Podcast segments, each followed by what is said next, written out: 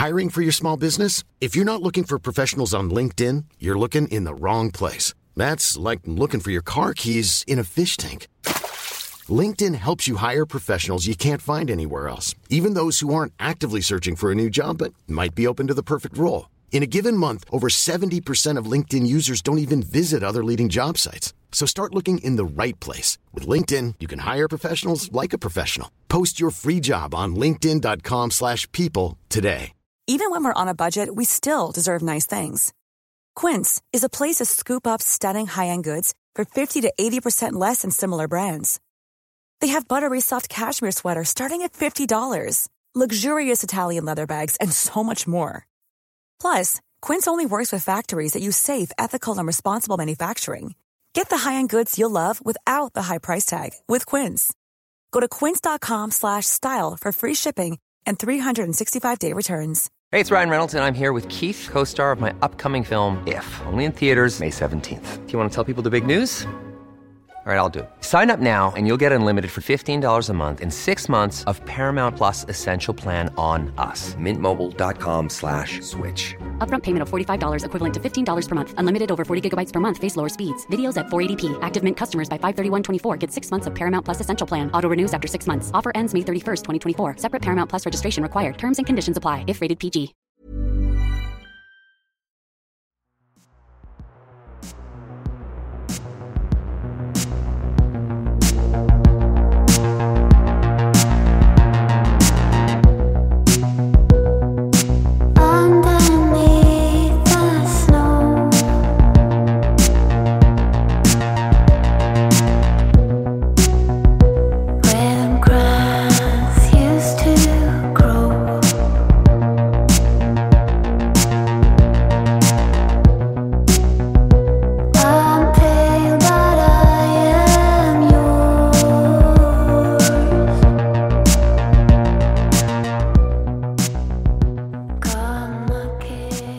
Olösta mord. Mordet på MS Estonia. Del 1. Det här avsnittet är skrivet av David Oskarsson. Klippning är också gjord av David Oskarsson. Och jag heter Dan Hörning. Det här är en podd som bara ställer frågor och aldrig ger några svar.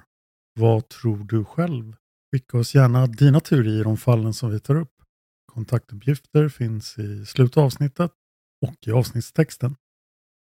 1980 byggde det finska företaget Rederi AB Sally en ny färja med hjälp av det västtyska företaget Meyer Werft. Att detta var färjan som 14 år senare skulle förlisa i en av världens värsta katastrofer till havs i fredstid visste förstås ingen 1980.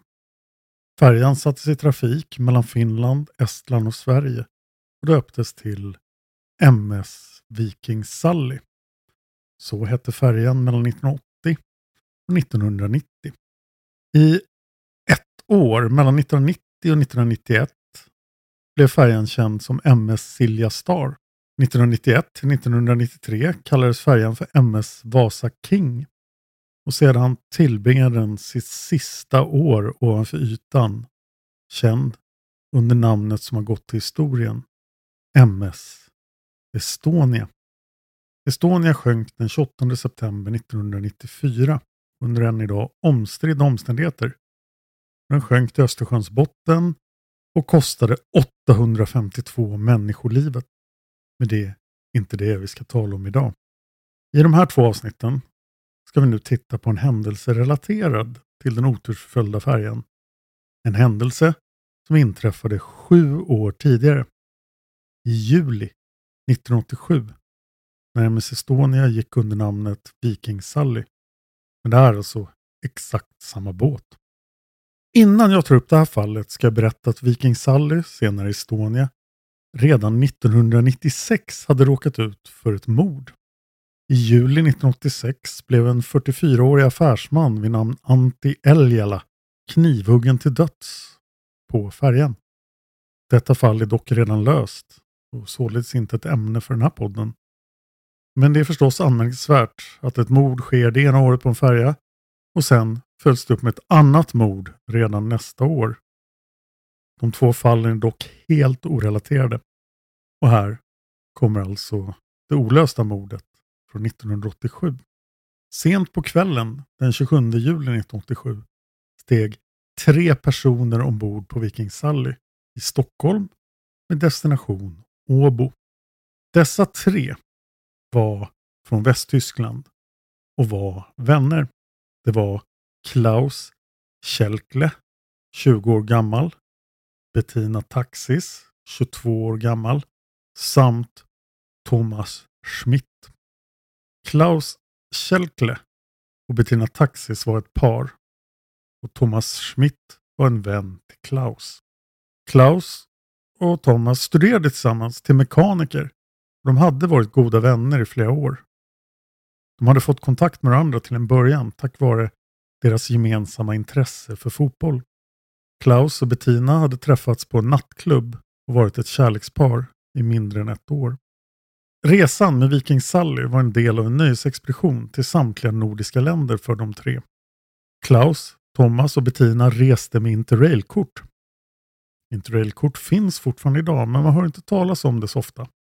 Interrailkortet har bland annat förevigats i och med Staffan Hildebrands kultfilm G som i gemenskap från 1983.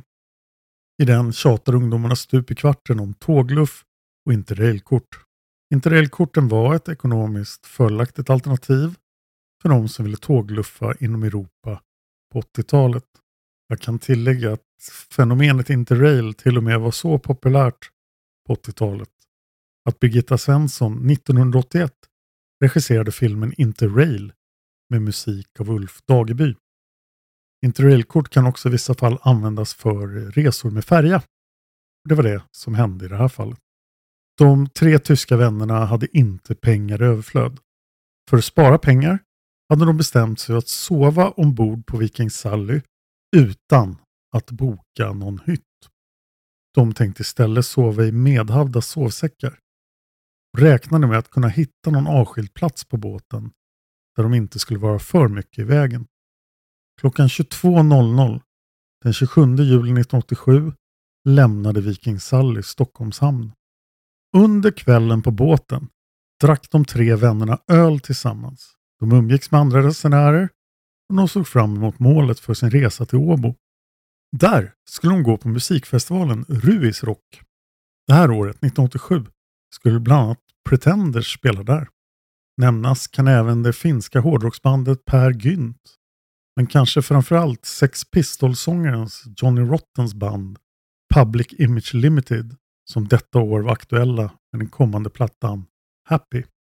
Klaus, Bettinas och Thomas plan var att efter festivalen resa vidare till finska Lappland och därefter besöka Bergen och Oslo. Klaus och Bettina hade träffat och pratat med flera personer under kvällen. Av vad vi har förstått umgicks Klaus och Bettina för sig själva medan Thomas höll sig på sin kant under kvällen. Klaus och Bettina blev förtjusta över att de träffade en finländare som kunde prata tyska. Denne var tydligen en affärsman som hade varit och köpt reservdelar till bilar i Tyskland. I flera källor tilldelas han namnet Tauno, men det kan vara ett fingerat namn. Klaus, som liksom Thomas studerade till mekaniker, hade förstås ett intresse för bilar. Av den anledningen gav sig Bettina, Klaus och den tysktalande finnen sig av ner till färjans bildäck. Där skulle finnen visa reservdelarna för Klaus. Det var omöjligt att komma åt bildäcket under resans gång.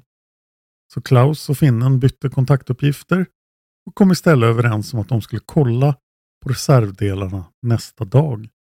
Men så skulle det aldrig bli.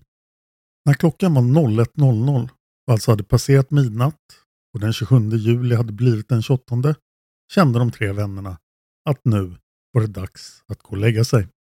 Klaus och Bettina hade sett ut en lämplig sovplats nära helikopterplattan i färjans akter. Man kan alltså anta att en klar stjärnhimmel var någonting som tyskarna hoppades på. Det varma julivädret skulle kunna tillåta en utomhusvistelse av det här slaget, men om det började regna skulle det bli jobbigt.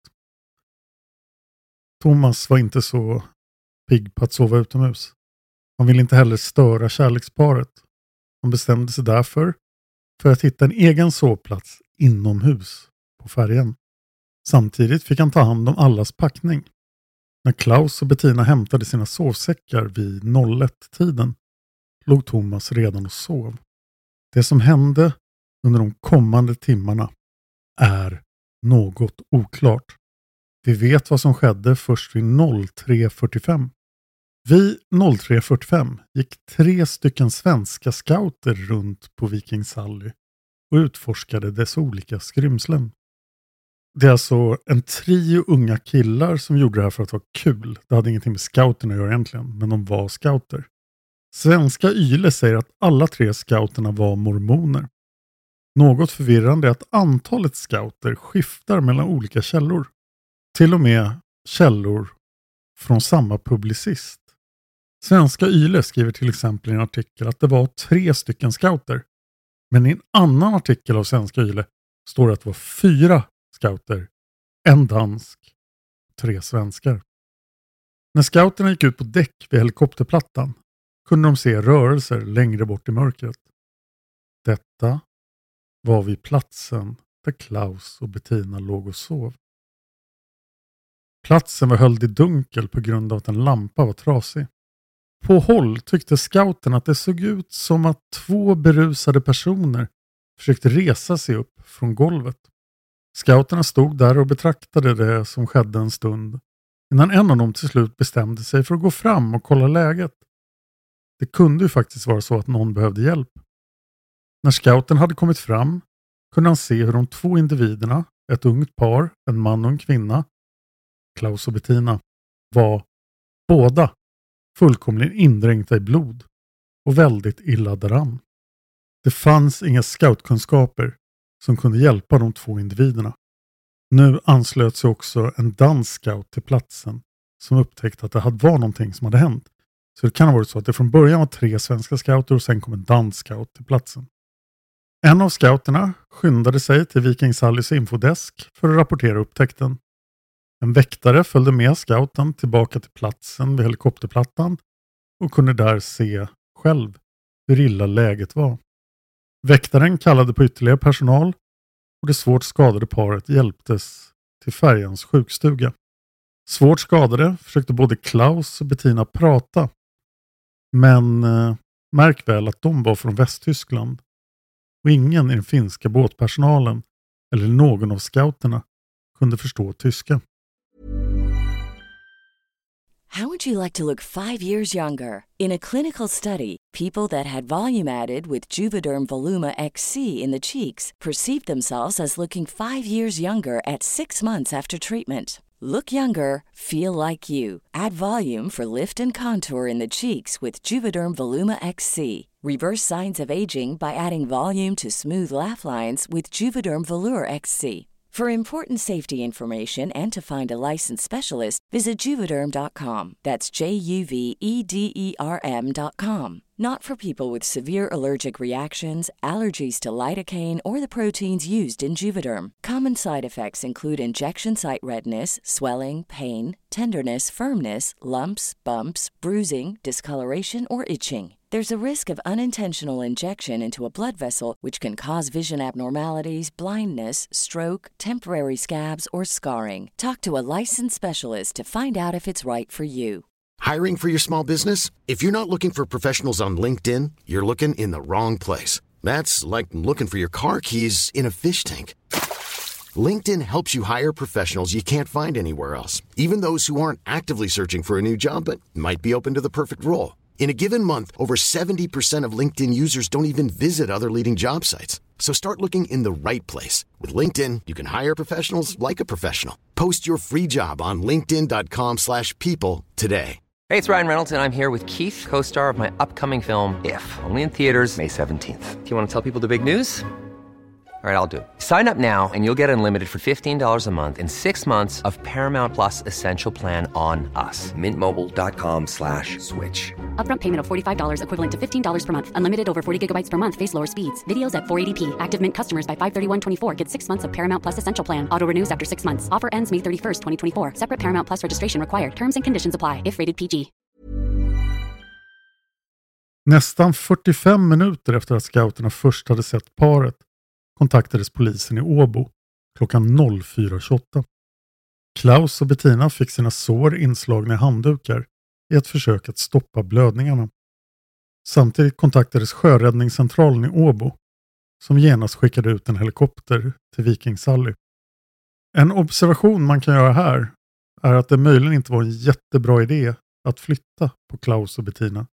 Med tanke på hur svårt skadade de var hade det antagligen varit bättre om de hade fått tryckförband på plats fram till dess att helikoptern anlände.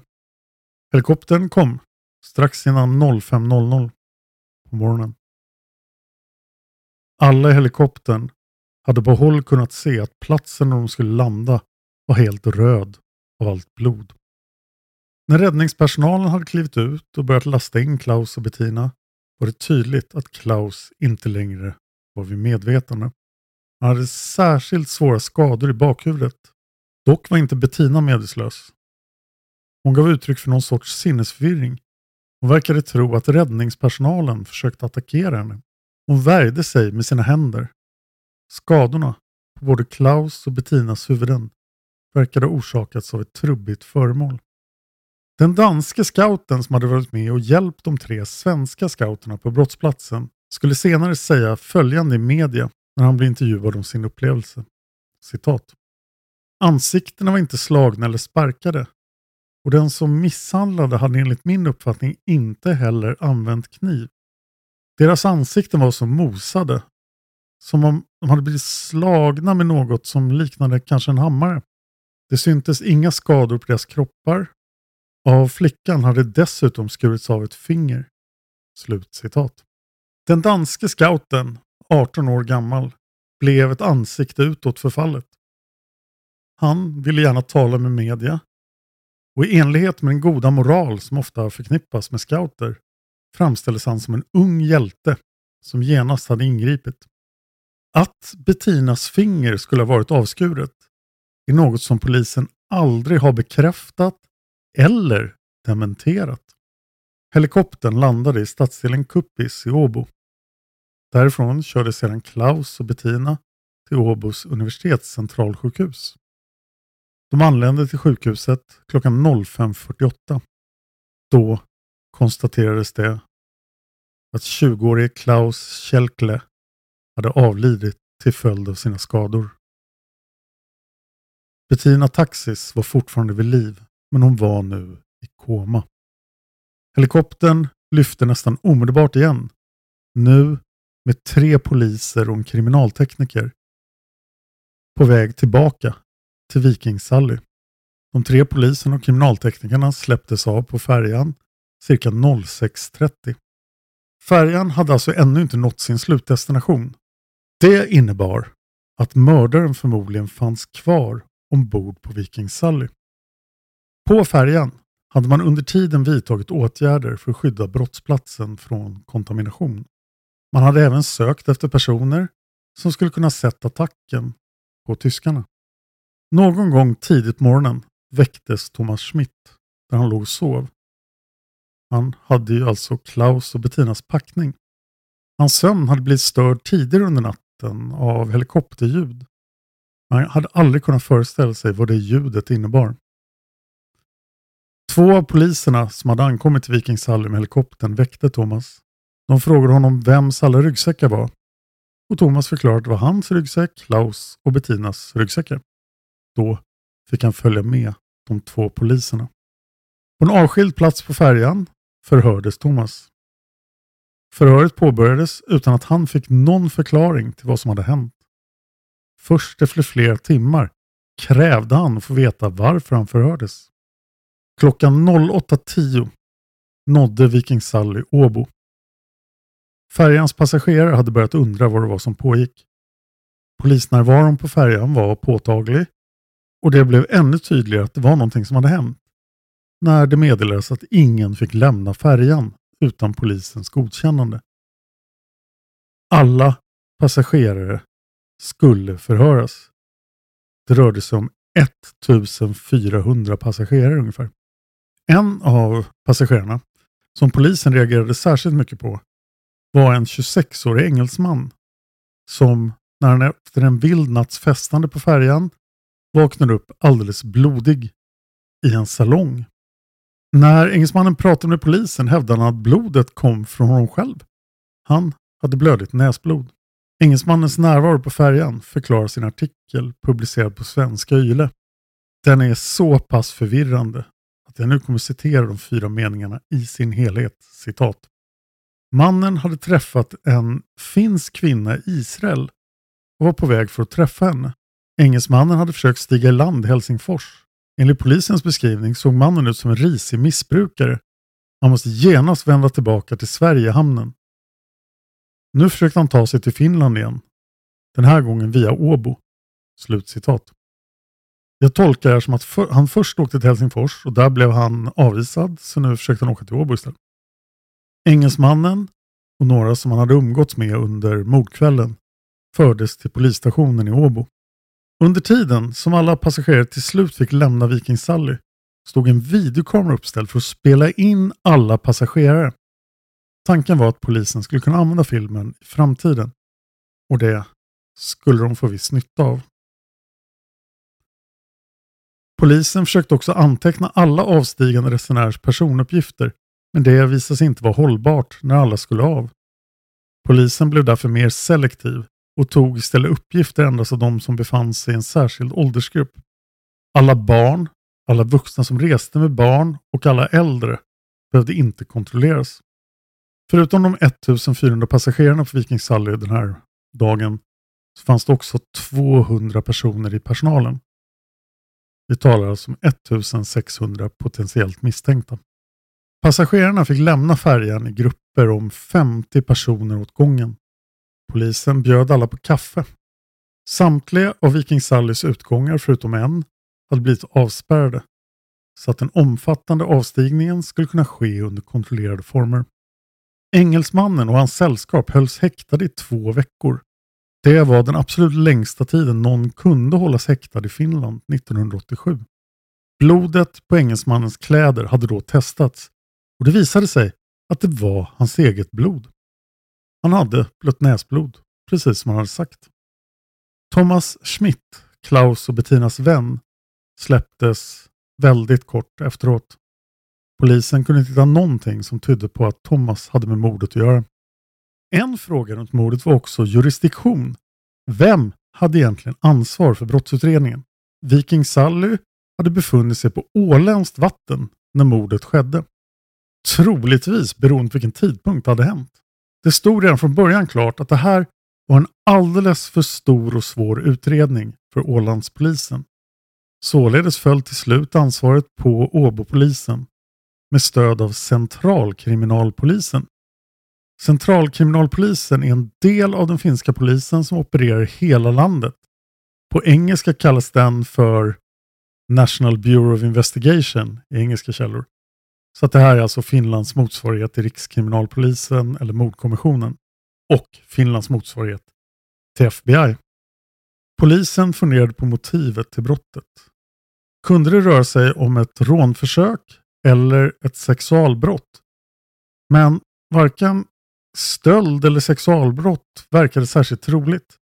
Snarare tänkte polisen rörde det här sig om ett vansinnesdåd utförd av någon med en psykisk sjukdom och eller en personlighetsstörning. Utredningen blev snabbt kall. Och efter en lång, lång tid vaknade Bettina ur sin koma. Hon vaknade först ett år efter mordet. Polisen blev förstås intresserad av vad hon hade att säga, men hon kunde inte komma ihåg någonting. Hon mindes ingenting vad som hade hänt under mordkvällen. I flera artiklar om fallet nämns det att Bettina överlevde var ett mirakel. Hon hade blivit utsatt för extremt övervåld, precis som pojkvännen Klaus, men han överlevde alltså inte. En detalj som blev allmänt känd var att Klaus och Bettina skulle ha blivit misshandlade med en brandyxa från färjan. Men det här stämde inte alls. Det var en helt felaktig uppgift. Jag kommer berätta mer om det potentiella mordvapnet i del 2. Jag finns på Instagram, följ mig gärna där. Jag heter Dan Hörning, så är lätt att hitta. Om du har teorier om fallen som vi tar upp så vill jag att du mejlar dem till simwaypodcast.gmail.com. Tack till David Oskarsson som har både skrivit och klippt det här avsnittet. Tack till Tripnaha för låten Immune som ni hör i början och slutet av varje avsnitt. Den finns på både Spotify och Youtube Immun av Tripnaham. Till sist, tack till dig för att du lyssnar på Olösta mord.